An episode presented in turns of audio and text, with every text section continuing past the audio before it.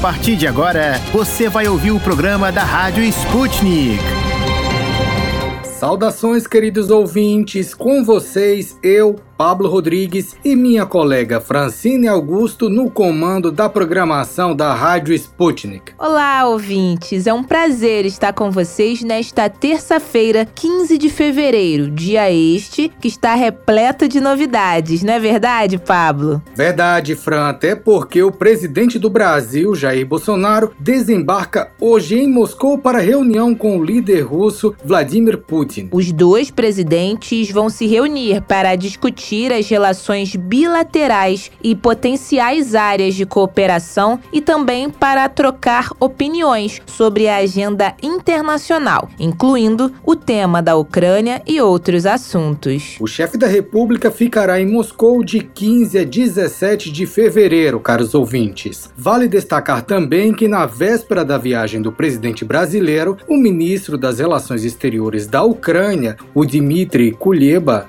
discutiu a segurança nas fronteiras ucranianas com seu homólogo do Brasil, o Carlos Alberto França. Segundo a chancelaria ucraniana, aspas, o alto diplomata ucraniano informou seu homólogo brasileiro sobre os detalhes da situação de segurança perto da fronteira nacional e nos territórios temporariamente ocupados da Ucrânia. Fecha aspas. E quem também está com desembarque marcado para esta terça terça-feira, dia 15, em Moscou, é o chanceler alemão Olaf Scholz para se reunir cara a cara com o presidente russo Vladimir Putin. Os líderes devem abordar a situação na fronteira com a Ucrânia, as garantias de seguranças europeias e o processo de paz em Donbass, bem como assuntos bilaterais, inclusive o futuro do gasoduto Nord Stream 2. Em meio à intensificação das tensões na Europa em torno da crise ucraniana, a embaixada dos Estados Unidos em Minsk emitiu um comunicado exortando os americanos a deixarem Belarus de imediato por razões de segurança. Primeiro pediram para os norte-americanos saírem da Ucrânia, agora de Belarus. E o Departamento de Defesa Nacional do Canadá detalhou a assistência militar canadense a Kiev,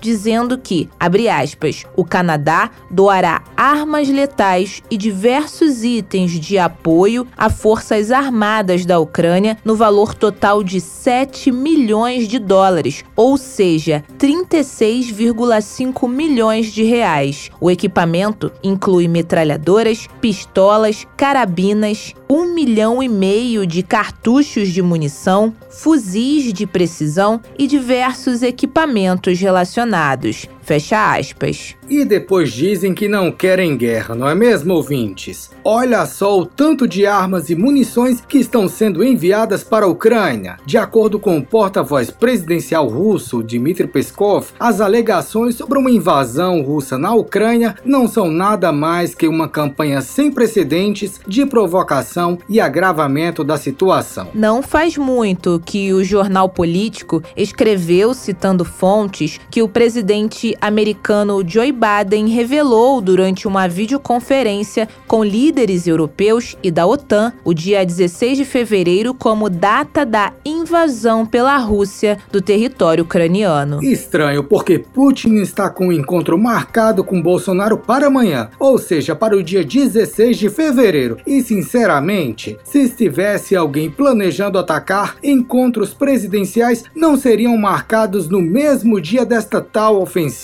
E vamos ouvir agora a nossa correspondente que estava esperando a chegada de Bolsonaro e comitiva ao Four Seasons, que fica do lado do Kremlin, para saber o que aconteceu na chegada da comitiva ao hotel onde eles vão se hospedar. Conte aí, Ana Lívia Esteves. O presidente Bolsonaro chegou com o carro oficial, mas entrou pela porta lateral do hotel onde ele está ficando, Four Seasons, que é um dos principais da capital russa. Dentro do hotel, ele subiu direto para o quarto e não tem nenhuma agenda oficial para prevista para hoje. Então o presidente deve descansar no hotel até o fim do dia. Ele estava acompanhado de uma comitiva grande, composta na maioria de militares fardados, todos uniformizados, e membros da embaixada brasileira que foram receber ele no aeroporto e estavam no lobby do hotel. Inclusive o embaixador do Brasil na Rússia, Rodrigo Baena Soares, a ministra da embaixada, Patrícia Chiarello, a Dido Agrícola, que acompanhavam o presidente hoje no hotel. Além de vários jornalistas, a imprensa estava toda concentrada na porta da frente, mas como ele entrou pela porta lateral, a imprensa ficou a ver navios. Mas o ministro Braga Neto, quando passou rapidamente pela comitiva de imprensa, deu alguns comentários, mas ele não queria falar, mas parecia de bom humor, então falou um pouquinho. E depois, quando ele saía, voltava para o elevador, assim, se afastava dos jornalistas. Um jornalista perguntou se a questão da Ucrânia iria entrar na agenda e o ministro só gritou não, já de costas para todos os jornalistas e entrou. A questão ucraniana vai entrar na questão? Então, por enquanto é isso, sem mais novidades no lobby do hotel do presidente Bolsonaro. Bem, ouvintes, depois das novidades envolvendo Rússia, Brasil, Ucrânia, Estados Unidos e Canadá, chegou a hora de conferirmos o que preparamos para vocês no programa desta terça-feira, 15 de fevereiro. Vamos nessa, ouvintes! E no programa de hoje. No Destrinchando a Charada Brasil, falaremos sobre algumas questões envolvendo a entrada da Argentina no BRICS. No Esqueceram de Mim em Portugal, temos notícias de fóssil de inseto raro e cibersegurança na Terrinha. E no Bombando no YouTube falaremos da fuga do parlamento ucraniano em meio a rumores de uma invasão militar russa no país. No Destrinchando a Charada Internacional, vamos compreender se o crescimento elevado do PIB britânico representa recuperação para o Reino Unido nesse momento, pós-pandemia e pós-Brexit. O Hora do Problema vai contar a cilada de um paulista que queria passar férias relaxantes em uma fazenda russa, mas acabou recebendo só estresse.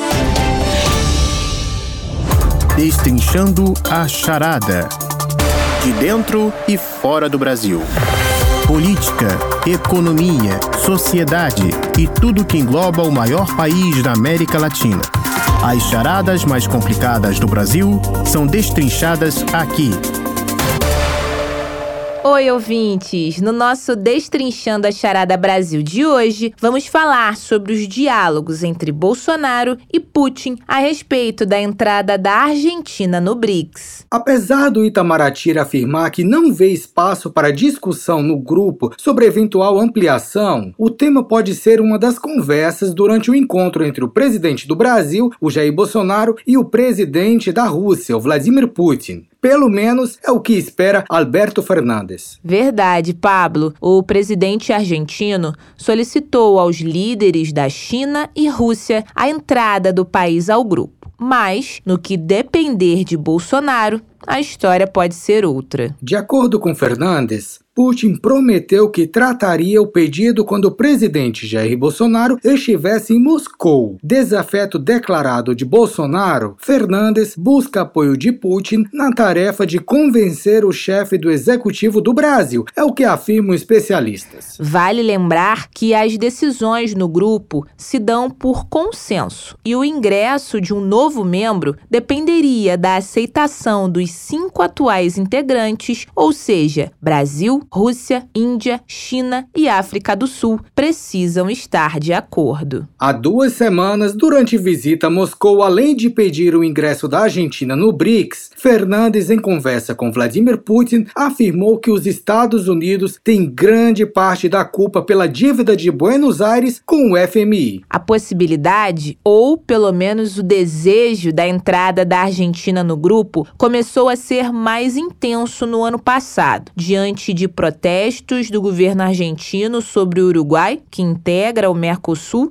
e a Índia negociarem um acordo de livre comércio. E esta não é a primeira vez que o assunto é ventilado. Em 2014, por exemplo, durante a sexta cúpula do BRICS, ao ser questionado se a Argentina poderia se tornar o sexto país do BRICS, Vladimir Putin disse que o assunto não estava em pauta, mas era possível estabelecer uma parceria parceria estratégica. Se tratando dos membros serem países emergentes significativos que representam 53% da população 24% do território e 24% do PIB mundial, a Argentina não se encaixaria, segundo alguns acadêmicos e observadores de política externa. Avaliando agora este tema, convidamos o professor de Relações Internacionais e pesquisador Matheus de Oliveira Pereira. Oi, professor, muito obrigada por conversar com a Rádio Sputnik. Matheus, para começar, o que significaria a entrada da Argentina no BRICS? Eu acho que do ponto de vista da Argentina é uma sinalização positiva bastante interessante a possibilidade de entrar nos BRICS. O atual governo da Argentina já tem procurado estreitar relações, na verdade, manter o estreitamento de relações com a China que foi construído desde o começo da década de 2010 e também retomar uma aproximação com a Rússia que foi igualmente ensaiada lá no período de governo da ex-presidente Cristina Fernandes, que hoje é vice-presidenta. Então, do ponto de vista da política externa argentina, seria um resultado bastante interessante, bastante promissor. A Argentina se somaria a um grupo que representa se não uma contestação formal, né, acho que aí já seria exagerar um pouco, mas que representa uma proposta alternativa, enfim, um arranjo alternativo para pensar e discutir grandes questões globais. E estar nesse fórum é por si só oferece uma possibilidade de dividendos políticos bastante interessante para a Argentina. Mesmo o tema não sendo motivo da visita de Bolsonaro à Rússia e do Itamaraty garantir que o assunto não será tratado o presidente brasileiro poderia formalizar sua opinião quanto à entrada da Argentina no grupo. Mateus, me diz uma coisa: a falta de diálogo entre Fernandes e Bolsonaro pode dificultar o ingresso? Eu acho que o Brasil pode até oferecer alguma resistência, mas dificilmente essas resistências prosperariam a tal ponto que realmente impedissem a entrada da Argentina. Eu acho que uma vez que China, Rússia, Índia e África do Sul formem uma posição mais robusta nesse sentido, né, de admitir a Argentina no grupo, é, o isolamento que o Brasil ficaria no agrupamento não seria razoável, não seria para o Brasil e tende a ser superado. Evidentemente, seria muito mais simples, seria muito mais fácil se as relações bilaterais estivessem num momento mais positivo, num momento melhor, mas isso não tem acontecido, né? Por, enfim, sobretudo por parte do que vem fazendo o governo brasileiro,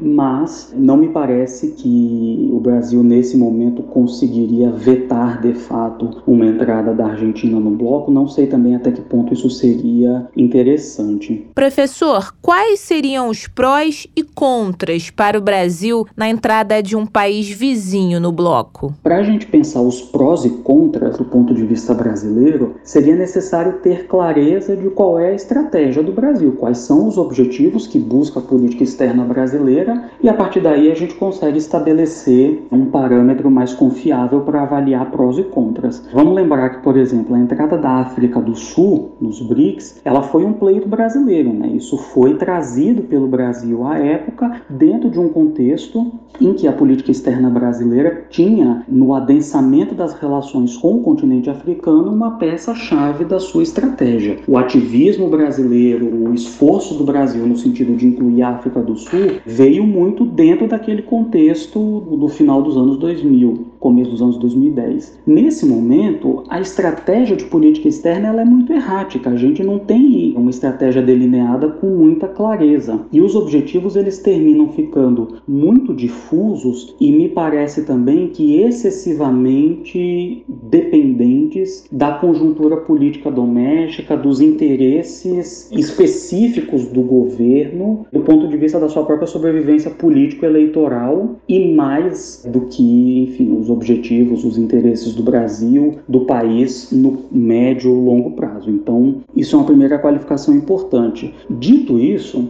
eu não consigo ver grandes problemas para o Brasil com a da Argentina nos BRICS. Né? O que certamente vai tornar mais difícil é a manutenção do discurso até certo ponto infantil, um discurso absolutamente incompatível com a liturgia, com a história da diplomacia brasileira, que é o que vem pautando a posição do Brasil em relação à Argentina nos últimos dois, três anos. Então, acho que isso, sem dúvida alguma, cria uma dificuldade. Mas, de um ponto de vista mais concreto, não me parece que haverá grandes problemas para o Brasil, até porque os BRICS não são um arranjo muito. Eles não, não obrigam muito, né? não é um arranjo que cria compromissos muito vinculantes. Então, nesse sentido, não me parece que haveria grandes problemas. E uma possível entrada da Argentina no grupo causaria uma perda de protagonismo para o Brasil, Matheus? O Brasil ele já vem perdendo muito protagonismo há muitos anos. A gente tinha, só para dar um exemplo, uma posição de grande destaque, de grande protagonismo nas agendas internacionais relacionadas ao meio ambiente e à mudança climática. E nós nos tornamos párias nessas agendas ao longo dos últimos anos. Então, a perda de protagonismo do Brasil, a perda de prestígio e de importância nas grandes questões internacionais, muito para além dos BRICS, ela já é um fato consolidado e é um dos legados que deixa a política externa do atual governo brasileiro. Sem dúvida alguma, existe uma retração do peso, do papel e da projeção brasileira no mundo. Muito muito mais do que simplesmente no, nos BRICS. Né? Acho que isso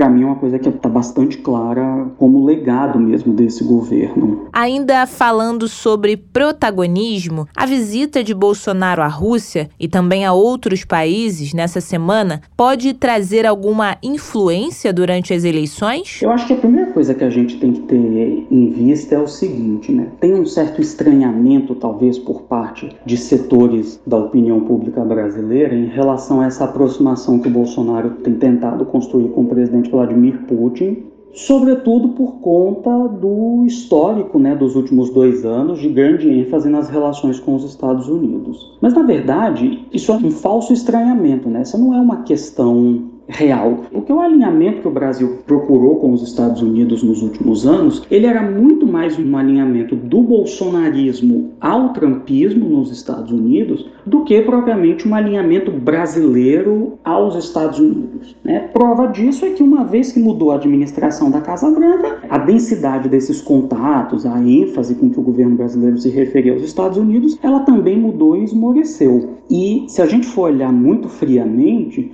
o Putin se assemelha muito mais ao desejo do presidente brasileiro, né, o que o presidente brasileiro gostaria de ser em termos políticos no, no, Brasil, do que um presidente dos Estados Unidos, por exemplo. A Rússia tem uma liderança muito mais autocrática, um presidente que dispõe de poderes muito mais amplos e que, sem dúvida alguma, gostaria muito, faria muito bem né, aos desejos do atual presidente brasileiro. Felizmente, ele não consegue isso. Então, o que me parece é que ele pode tentar tentar manobrar essas relações no sentido de oferir alguns dividendos políticos aqui no Brasil, mas aí eu acho que ele vai ter que explorar isso com muita habilidade, porque os setores da base, né, que parecem mais animados com questões de política externa, são os setores que têm mais é, apego a essa ideologia próxima do trumpismo. E não me parece que esses grupos teriam, pelo menos de início, grandes simpatias pela Rússia. Então pode ser um movimento que renda alguma coisa em termos de dividendo eleitoral, mas também pode ser um movimento arriscado, potencialmente perigoso para o presidente brasileiro em termos eleitorais. Bom,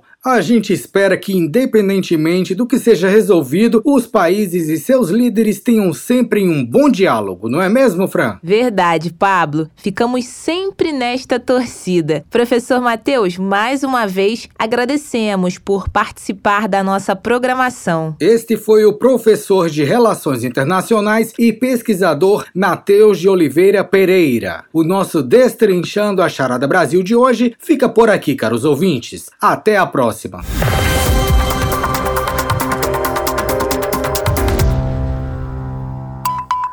Para ficar por dentro de todas as novidades, tanto mundiais como brasileiras, se inscreva no nosso canal do Telegram. É muito simples. É só você escrever Sputnik Brasil na busca do Telegram e se inscrever para receber as notificações. Tem alguma dúvida ou comentário sobre a Rádio Sputnik? Você pode entrar em contato com a gente através do e-mail radio.br@sputniknews.com. Esqueceram de mim em Portugal. Senhoras e senhores passageiros, apertem os cintos de segurança porque estamos prestes a decolar rumo a Portugal. A tripulação Sputnik Brasil deseja a todos uma ótima viagem.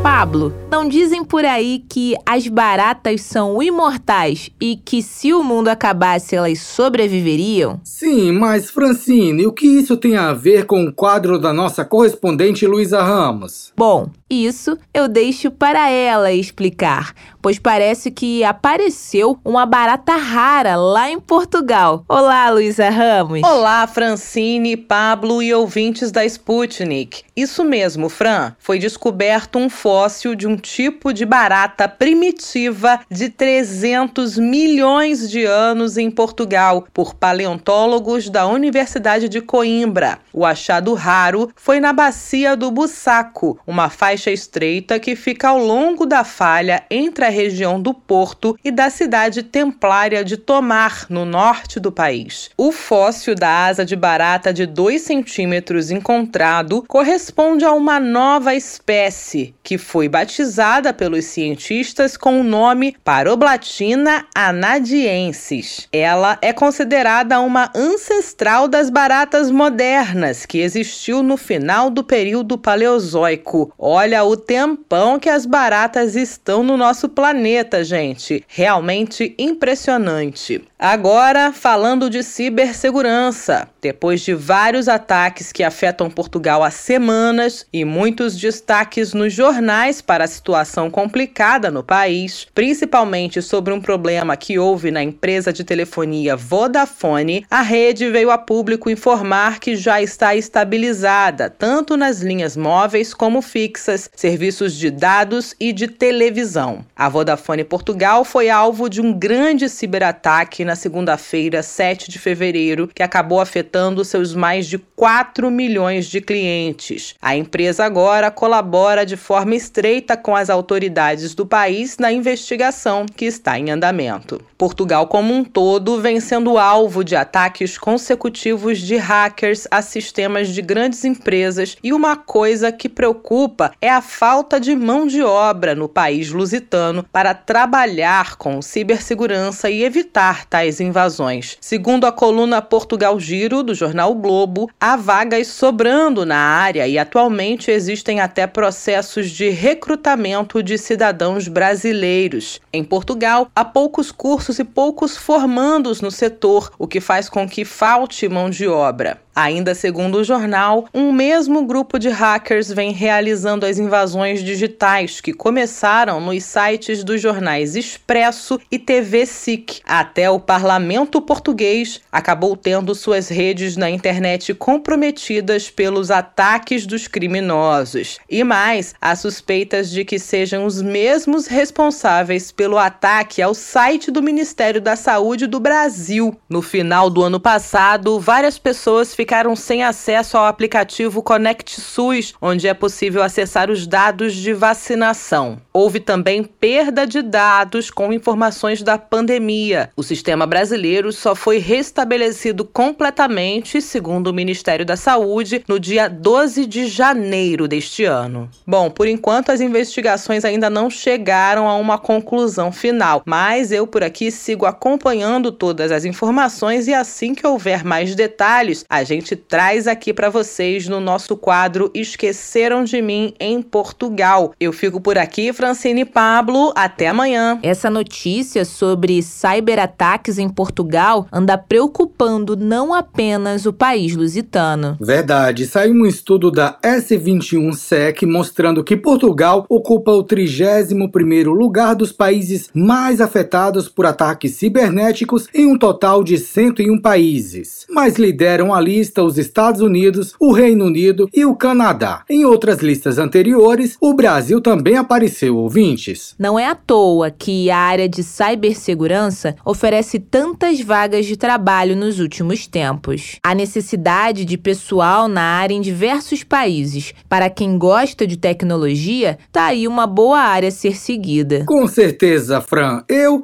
como mal sei programar o meu rádio relógio para acordar cedo pela manhã, fico por aqui mesmo só passando as informações. Assim como a Luísa e você. é rir para não chorar, Pablo. Luísa, esperamos por você de volta amanhã, sem assunto de barata ancestral, por favor, viu? Eca. Lu, muito obrigado pela participação aqui no programa e até amanhã.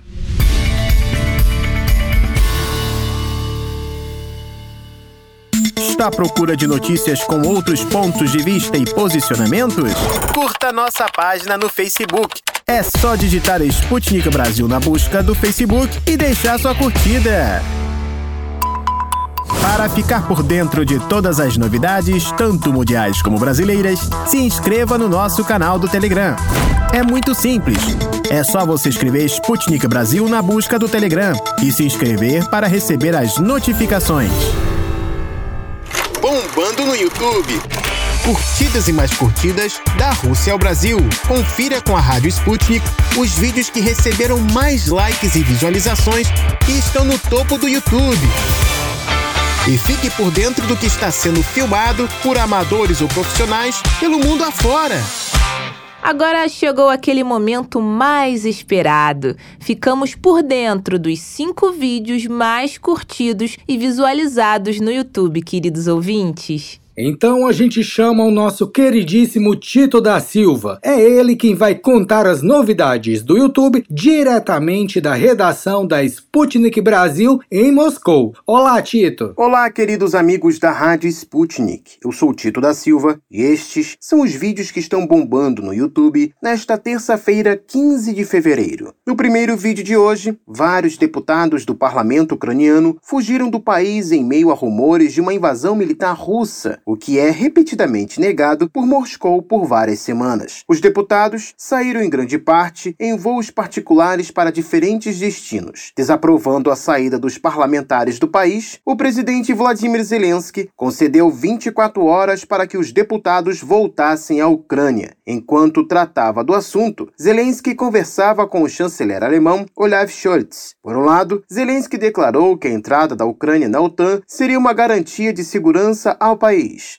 Já a autoridade alemã disse que a membresia da Ucrânia no bloco não é discutida. É válido relembrar que uma das exigências feitas pela Rússia no contexto da crise na Ucrânia era que o país não entrasse na aliança militar. Para assistir ao vídeo é só digitar medo. Vários deputados fogem da Ucrânia. Presidente dá 24 horas para que voltem. E no segundo vídeo de hoje, a Rússia começou a retirada parcial de tropas envolvidas nas manobras militares Firmeza Aliada 2022. As tropas dos distritos militares ocidental e do sul da Rússia foram filmadas voltando para suas bases permanentes. Uma decisão tomada diretamente por Moscou após encontro entre o presidente Vladimir Putin e ministros. De acordo com o ministro das Relações Exteriores russo Sergei Lavrov, ainda há espaço para o diálogo e diplomacia com o Ocidente. Para assistir ao vídeo é só digitar. Parte das tropas em manobras da Rússia retorna às suas bases. E no terceiro vídeo de hoje, segundo o Wall Street Journal, os Estados Unidos enviarão uma delegação de diplomatas e militares para a Guiné Equatorial para tratar um assunto que seria de grande importância e também preocupação para o Pentágono: a construção de uma base militar chinesa no país africano. De acordo com a inteligência norte-americana, a China teria planos de construir uma base aérea ou uma base naval no país, que possui litoral no Oceano Atlântico. Caso a construção venha a ser realizada, a China poderia operar de forma permanente seus navios no Atlântico e reduzindo o papel hegemônico da Marinha norte-americana no oceano. Para maiores detalhes, digite assim: chineses prestes a construir base no Atlântico. Estados Unidos tentam impedir, diz País WSJ.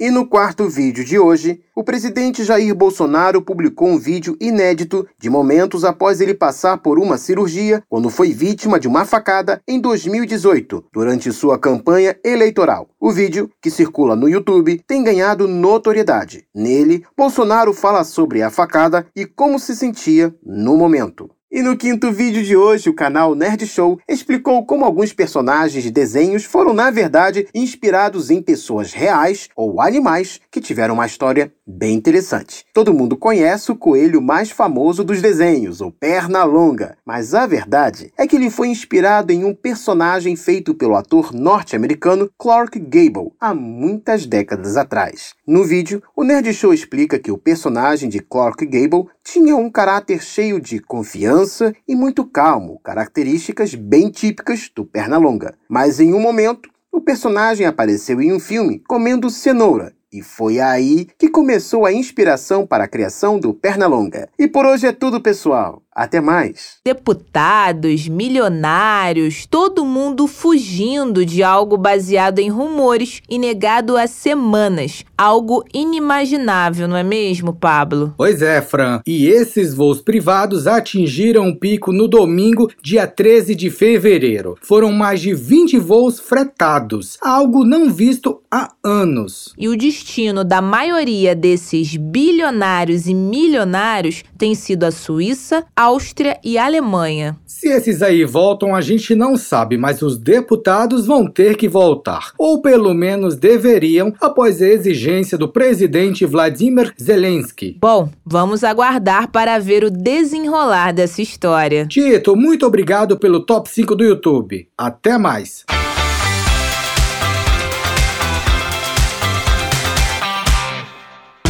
Os vídeos mais esperados estão disponíveis no nosso canal no YouTube. Para encontrá-lo é fácil. É só buscar Sputnik Brasil no YouTube, aproveitar as imagens e ainda se informar. Não se esqueça de ler, curtir e comentar nossas matérias no site br.sputniknews.com. Destrinchando a charada. Encruzilhada Internacional. Relações políticas, socioeconômicas e muito mais entre as nações deste mundão. Da Rússia aos Estados Unidos. Encontre com a gente as respostas às perguntas do momento.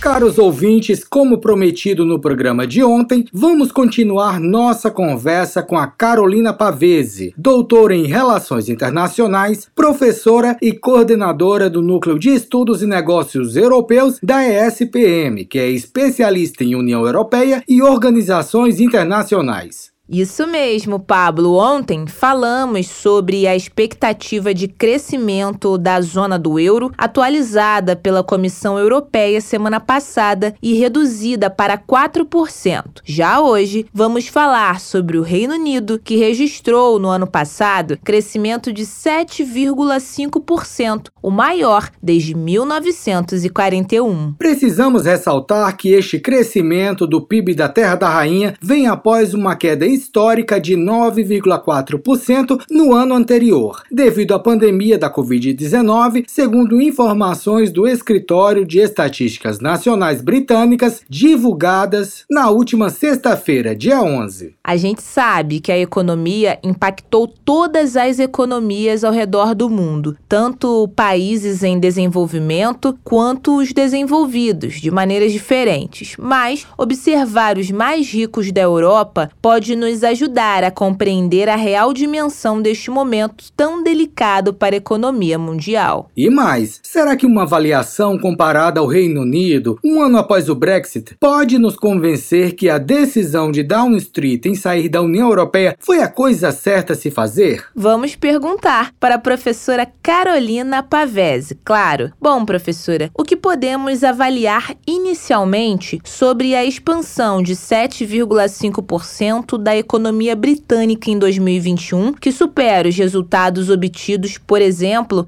pelo próprio bloco europeu, que teve crescimento de 5,2% no mesmo ano. A alta taxa de crescimento registrada pela economia britânica em 2021 leva a um excessivo entusiasmo. Num primeiro olhar, isso parece uma excelente notícia, um indicador de que a economia está indo muito bem. Mas quando a gente entende por que, que houve essa taxa de crescimento e, sobretudo, por que, que houve uma valorização da Libra, aí a gente percebe que, na verdade, esse crescimento, da forma como tem ocorrido ou pelos motivos pelo qual tem ocorrido, não é um crescimento sustentável. E essa bolha de entusiasmo deve estourar nos próximos anos, num curto prazo, inclusive. Por que isso? Ao contrário do que a gente pode pensar, o Reino Unido não conseguiu lidar com o Brexit. Os efeitos do Brexit estão chegando e tendem a se agravar porque não há medidas políticas nem econômicas internas para poder amenizar e mitigar esses efeitos. Talvez o Brexit não tenha sido a melhor decisão. Bom, Quais são os maiores impactos sentidos no Reino Unido pós-Brexit? E por que não é considerado um crescimento sustentável, professora? Esses impactos são sentidos, sobretudo, na questão da mão de obra. Há uma escassez muito grande de mão de obra, porque o Brexit impede que os cidadãos europeus que residiam no Reino Unido continuem trabalhando no país, e não houve uma substituição dessa saída da União Europeia por um esquema de vistos facilitados para trabalho trabalho. Ao contrário, para um europeu migrar ou permanecer, quem já estava no Reino Unido, ficou muito difícil. Então, com a pandemia, muita gente voltou para os seus países de origem para também passar a pandemia no seu lugar de origem, e também com o Brexit, muitas pessoas se viram forçadas a deixar o Reino Unido porque as condições legais para trabalho já não eram as mesmas. Isso fez o quê? Que houvesse uma demanda agora com esse aquecimento, com essa retomada das atividades, uma demanda muito grande por mão de obra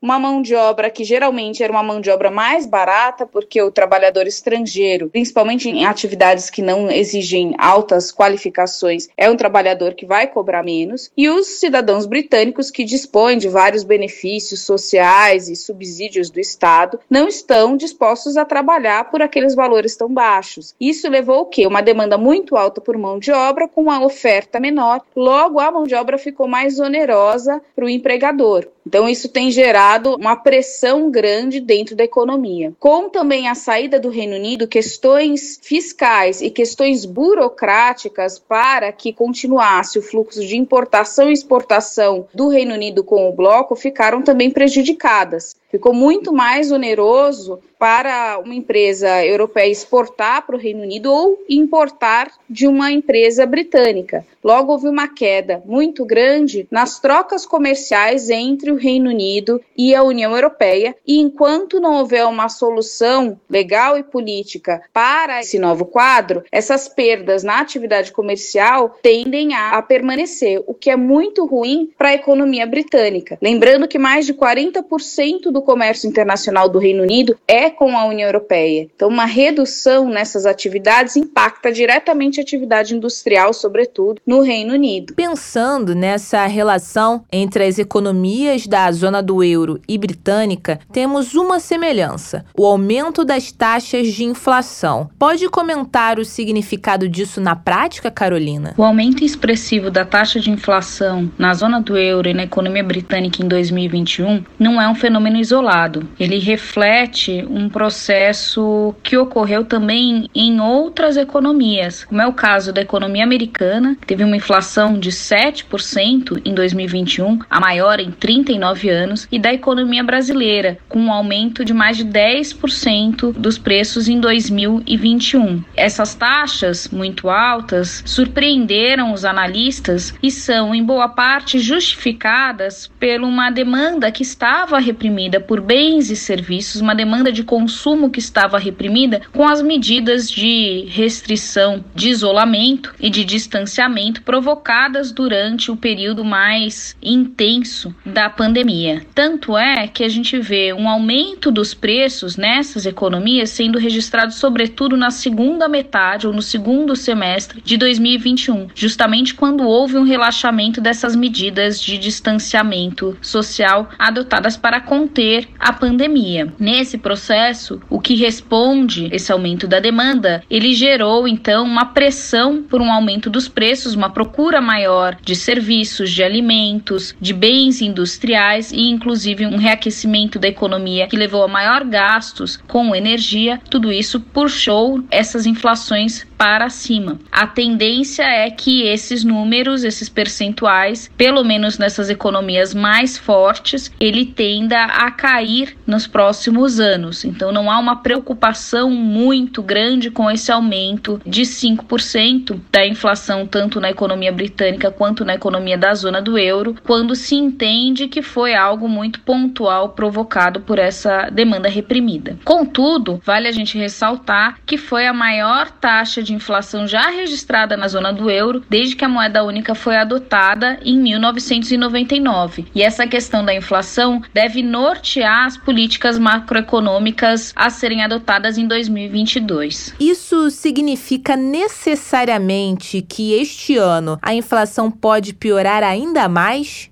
Em boa parte, o que se analisa é que esse aumento da inflação em 2021 seja um fenômeno temporário e que não requer um aumento das taxas de juros nas economias da zona do euro e nem na economia britânica. De qualquer forma, o que vai ser importante para a gente acompanhar o desenvolvimento dessas economias e da inflação especificamente vai ser a medida em que vai haver um aquecimento do mercado de trabalho e de que forma as pressões salariais vão recair sobre a inflação ou sobre a cadeia produtiva. Um aumento da renda geralmente leva as pessoas a consumirem mais e isso gera uma pressão sobre o aumento dos preços. Então, como isso, essa dinâmica vai se comportar, vai ser importante de se monitorar em 2022 e 2023 também, para nós podermos perceber o quanto isso gera um risco de uma espiral inflacionária.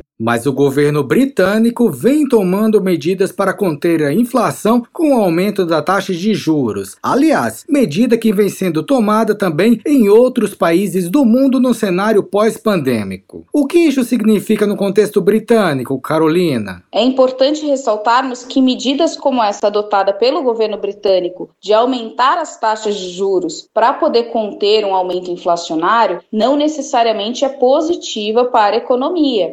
Porque, embora a gente tenha num curtíssimo prazo esse efeito de conter um pouco mais a inflação, ela torna uma taxa de juros alta, torna, sobretudo, mais oneroso o acesso a crédito. Esse acesso a crédito mais caro prejudica o investidor, prejudica a indústria que vai acessar crédito para poder investir no seu próprio crescimento, prejudica o cidadão e a cidadã comum, que também precisa desse acesso a crédito para poder fazer gastos mais expressivos, gastos, por exemplo, a crédito para moradia. É bom para quem investe para o capital financeiro, sobretudo aquele especulativo, mas é muito ruim para quem investe em bens, serviços que vão gerar ganhos reais para a economia, porque são essas atividades, não as do capital financeiro, mas essas atividades da indústria, do serviço e do comércio que geram mão de obra, que vão gerar, que vão circular o dinheiro na economia. Carolina, como podemos explicar a força da libra esterlina diante do euro? É isso que explica o crescimento alto do Reino Unido após sair do bloco econômico europeu? Bom, mas aí por que então a libra esterlina está tão valorizada, sobretudo em relação ao euro? Para conter essas crises internas, e aí a gente agrava agora com uma crise política, com uma incerteza em relação à viabilidade da permanência do Boris Johnson no cargo de primeiro-ministro, com uma crise também muito grande de preços, uma pressão inflacionária, um aumento do custo de vida, sobretudo para créditos de aluguel e para custos de energia, que em alguns casos tem aumentado em mais de 300%. Lembrando que energia no Reino Unido significa também aquecimento e gás, então é uma despesa muito grande para o consumidor. Tudo isso tem levado a uma crise na economia britânica ou problemas críticos na economia britânica e que tem levado a uma pressão inflacionária. Assim como a gente viu no Brasil, como que o governo respondeu no Reino Unido para conter essa pressão inflacionária? Com o aumento da taxa de juros. Quando nós aumentamos a taxa de juros, a gente tende a atrair mais dinheiro para investimento, inclusive para investimento estrangeiro. Fica mais interessante para o investidor apostar na libra esterlina, na economia britânica. E isso tem levado a uma valorização da Libra, coisa que a gente não vê na zona do euro. Tradicionalmente, a zona do euro tem uma taxa de juro em torno ali do zero. Não é uma praxe da política monetária do euro aumentar a taxa de juros quando tem uma pressão inflacionária. Então, a gente provavelmente não vai ver, no caso do aumento da inflação que já se constata na zona do euro, uma resposta em forma de aumento de taxa de juros. Mas essa resposta a gente viu no Reino Unido. Se há um aumento da taxa de juros, há uma atração maior de investimento e há, portanto, de investimento financeiro, isso é importante, e há uma valorização da moeda. Então, veja, essa moeda está sendo artificialmente induzida a uma valorização. Essa valorização da libra esterlina não é um reflexo real de um aquecimento econômico de condições estruturais de uma economia saudável. Ao contrário, a questão é: não há muita margem do quanto mais o governo britânico pode ficar aumentando dessa taxa de juros. Num momento que ele chegar chegar no seu teto máximo do que é viável, há uma tendência a gente acompanhar uma desvalorização da libra esterlina. Então, assim, o euro, ao contrário, tende a se manter mais estável. Então, essa troca que a gente acompanha, na verdade, há dois anos de uma valorização maior da libra em relação ao euro, ela é pontual também, né? Não é um reflexo de que necessariamente a economia britânica vai muito bem, obrigada. Entendi. Faz muito sentido sua explicação, professora, até porque uma moeda extremamente valorizada não necessariamente é algo bom para a economia do país. Verdade, o próprio governo dos Estados Unidos já precisou intervir para baixar o valor do dólar no mercado internacional para não afetar negativamente as suas exportações. E nós aqui da Rádio Sputnik seguimos acompanhando este cenário, caros ouvintes, pois nada garante que números números altos de PIB signifiquem uma recuperação econômica rápida. No nosso site, vocês ouvintes podem ler o texto editado por Bruno Fernandes. Abre aspas. Reino Unido pós-Brexit versus União Europeia. Quem tem condições de recuperar a economia mais cedo no pós-pandemia? Fecha aspas. Baseado nesta entrevista produzida pela correspondente Luísa Ramos com a Carolina Pavese, doutora em Relações internacionais, professora e coordenadora do Núcleo de Estudos e Negócios Europeus na ESPM. E mais uma vez agradecemos as excelentes explicações da professora e pela participação sempre engrandecedora aqui no nosso programa. Até a próxima!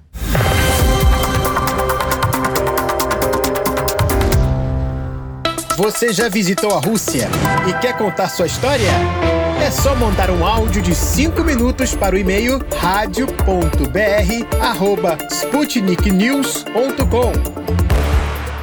Siga Sputnik Brasil no Twitter para sempre estar por dentro das notícias mais importantes do momento. Mistura do Brasil com Moscou. A mistura agora é com a Rússia e a coreografia já está pronta. Com os gingados russos e brasileiros, as relações estão em sintonia entre estes dois gigantes.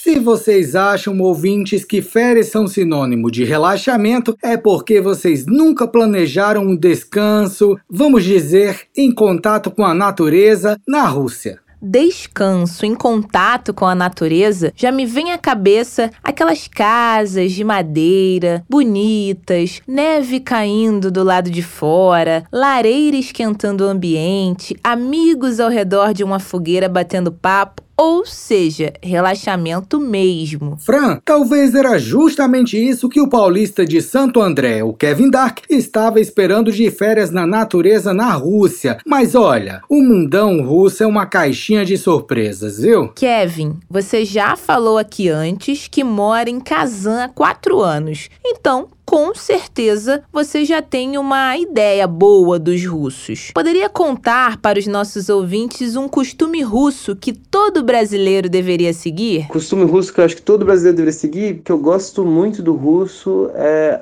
a verdade, assim. Eu acho que a gente brasileiro, a gente é muito do jeitinho brasileiro, a gente, como o paulista gosta de falar, a gente mete muito louco, né? E os russos odeiam isso profundamente, assim. Eles não acham graça nisso, acham que é quase criminoso, assim, né? Então eles são muito verdadeiros nas palavras, embora às vezes usam da sutileza, né? Quando eles não querem te magoar, né? E por aí vai. Mas eu gosto dessa questão verdadeira. Tipo, o russo ele não vai sorrir para você de graça.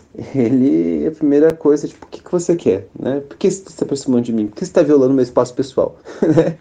Claro que as pessoas não falam isso, mas é o que os gestos dela falam disso, né? E é o que ela realmente está sentindo. Mas depois de uma conversa, depois você troca uma ideia, né? A pessoa te conhece, vocês tomam um chá, né? Porque aqui a gente toma um chá. E aí a pessoa vai baixando a guarda e depois essa pessoa vai ser sua amiga para sempre, assim, sabe? Você pode estar na sua pior situação, ela vai estar lá, você pode convidá-la para qualquer lugar, ela vai ir com você, não importa se ela gosta ou não, ela é a pessoa que vai ser o seu parça, assim. Esse costume que eu gosto muito, assim, da Rússia, que é uma coisa que me encanta, embora para mim é muito difícil fazer amizade, né? Porque sou o brasileiro, então a gente sorriu o tempo todo, a gente é amigo o tempo todo, mas amigo mesmo, mesmo é muito difícil entender a gente até se confunde quem é amigo de verdade e quem não é. Então, os russos, eles demoram para se abrir, mas se abrem completamente, vamos dizer assim. Já o brasileiro não, ele parece que está muito aberto, parece que essa pessoa é sua amiga, mas na verdade ela está sendo simpática, né? Vamos dizer assim, está sendo social. E os russos não têm isso e acho que eu valorizo muito isso, muito isso mesmo, assim, sabe? Para mim as relações russas são incríveis, assim, porque tem uma amiga aqui que ela me liga, ela me ligou quando tá no Brasil, a gente bate um papo, a gente, né, é amizade mesmo. E se eu preciso, sei lá, comprar um, um novo casaco, ela vai comigo em qualquer lugar, assim, é só ligar que ela vem, né? E isso é muito legal, ela tá comigo em todas as situações. Se eu tô doente, ela me ajuda, se eu tô, né, com problema, me ajuda e isso é muito massa. Isso é amizade de verdade, uma coisa que eu sinto um pouco de falta, assim, no Brasil, principalmente, né, em São Paulo. E são verdadeiros até demais, viu, Kevin? Mas em se tratando falando de amizades, eu concordo com o Kevin. Os russos estão ali para falar a verdade, mas também estão ali para ajudar, para defender. Ou seja, ninguém solta a mão de ninguém. Agora trocando as posições, Kevin. Que costume brasileiro os russos deveriam seguir? Um costume brasileiro que todo o russo deve seguir?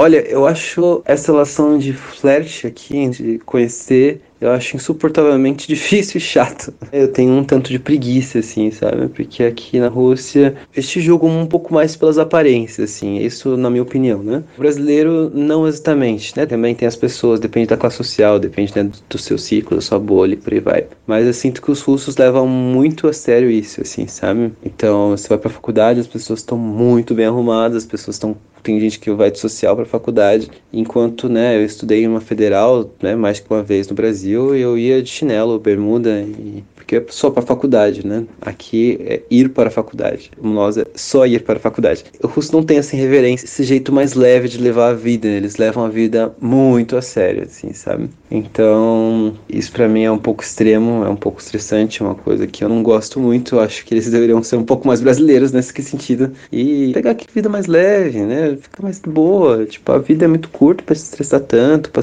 pensar tanto, né? Das milhões de roupas que a gente vai se vestir, né? De preenchimento labial que as meninas fazem, e maquiagem, e cabelo, e os meninos também, né? Tem que se esforçar em compensação e mostrar o quanto tem uma situação econômica confortável. Nem te conto, viu, Kevin? Mas uma vez eu fui a uma universidade daqui de Moscou e na entrada do prédio principal havia um aviso de como os alunos deveriam ou não se vestir. De um lado tinha a forma correta e do outro a forma considerada pela universidade inaceitável. E aí, como era recomendado se vestir nessa universidade moscovita, Pablo? Então, os estudantes homens deveriam usar calça, camiseta de manga longa ou curta, tênis ou sapato. Agora, o que eu achei estranho mesmo, Fran, foi a forma sugerida da vestimenta das estudantes, que deveriam ir de saia, uma blusa social e de salto, acredita? Ah, e do lado havia uma imagem de como elas não deveriam ir, que era de calça, moletom e tênis, ou seja, da forma que muitos brasileiros vão para a universidade. De uma forma confortável, não é mesmo? Além de ter que ir se estressar nas aulas, ter que ir de salto, cruzes. Mas mudando de assunto agora, Kevin, que férias foram essas que você acabou caindo em uma cilada na Rússia? Uma vez eu peguei um workaway, que eu queria passar as férias num lugar inabitado, assim, um lugar longe, né?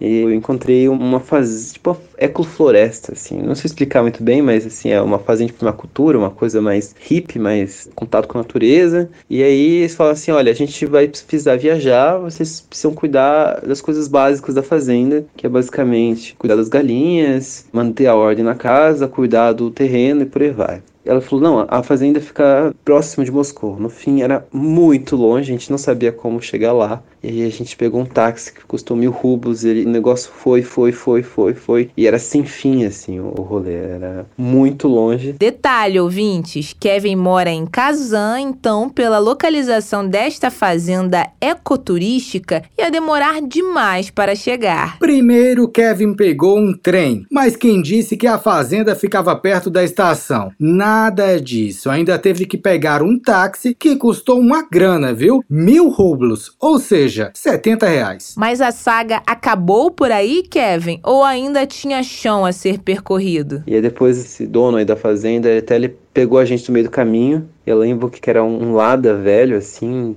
tipo, um carro de veraneio que ele chamou, né? Porque o carro era meio que um jipinho, assim, né? E começou a levar pra gente pra um lugar, uma floresta escura, isso era à noite já. Eu falei, mano, eu vou morrer. Fim, eles vão tirar meus órgãos, tirar os órgãos da minha namorada na época e eu vou morrer. É isso, fim. E aí depois ele levou, e na verdade a fazenda era isso, era no meio do nada, não tinha nação, é uma pessoa, uma coisa bem afastada, assim, sabe? E era um cenário um pouco meio de filme de terror, assim, aquele filme de terror, né, que adolescentes vão acampar e parece lá o Jason.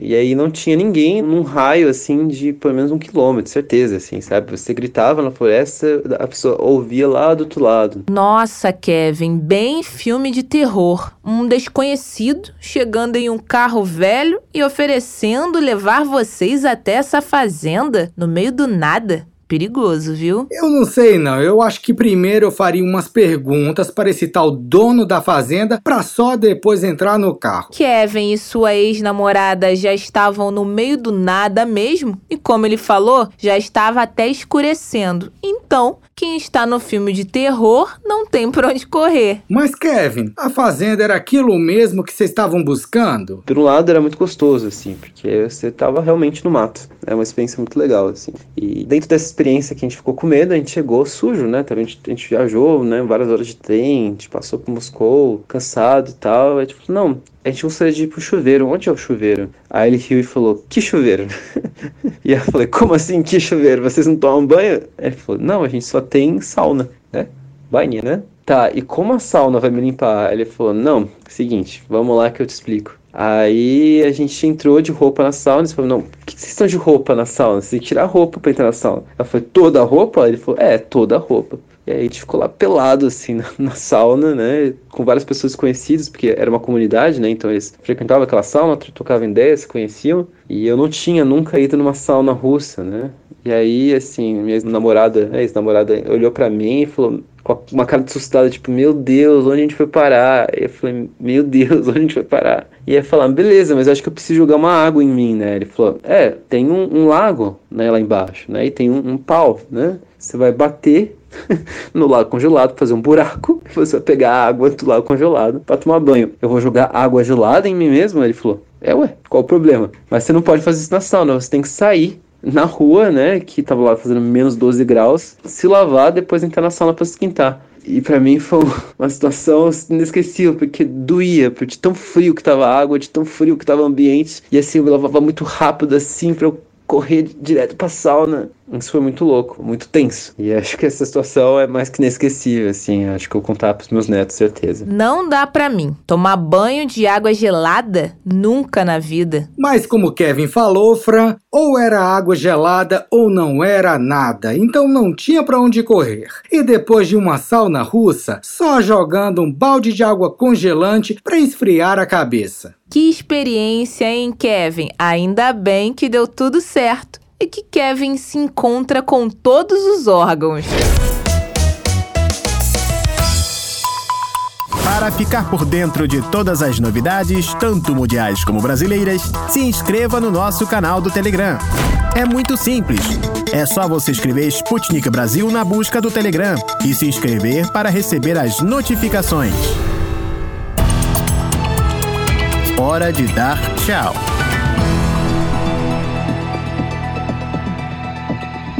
Ouvintes, o programa desta terça-feira, 15 de fevereiro, está chegando ao fim. Mas, Fran, quem quiser continuar ligado em toda a nossa programação, basta dar uma passadinha no site da Sputnik Brasil, br.sputniknews.com, para conferir as notícias do momento. Isso mesmo, Pablo. Lembrando que temos também nosso canal da Sputnik Brasil no YouTube. Imperdível, lá tem vídeos super atuais do que está sendo discutido tanto no Brasil como no resto do mundo. Fiquem ligados também nas informações sempre atualizadas no Twitter e Telegram da Sputnik Brasil. Caros ouvintes, ficamos por aqui e aguardamos vocês para o nosso próximo encontro amanhã, sem falta. Um abraço forte. O programa da Rádio Sputnik teve apresentação, produção e edição de texto de Pablo Rodrigues e Francine Augusto, e produção de conteúdo e edição de texto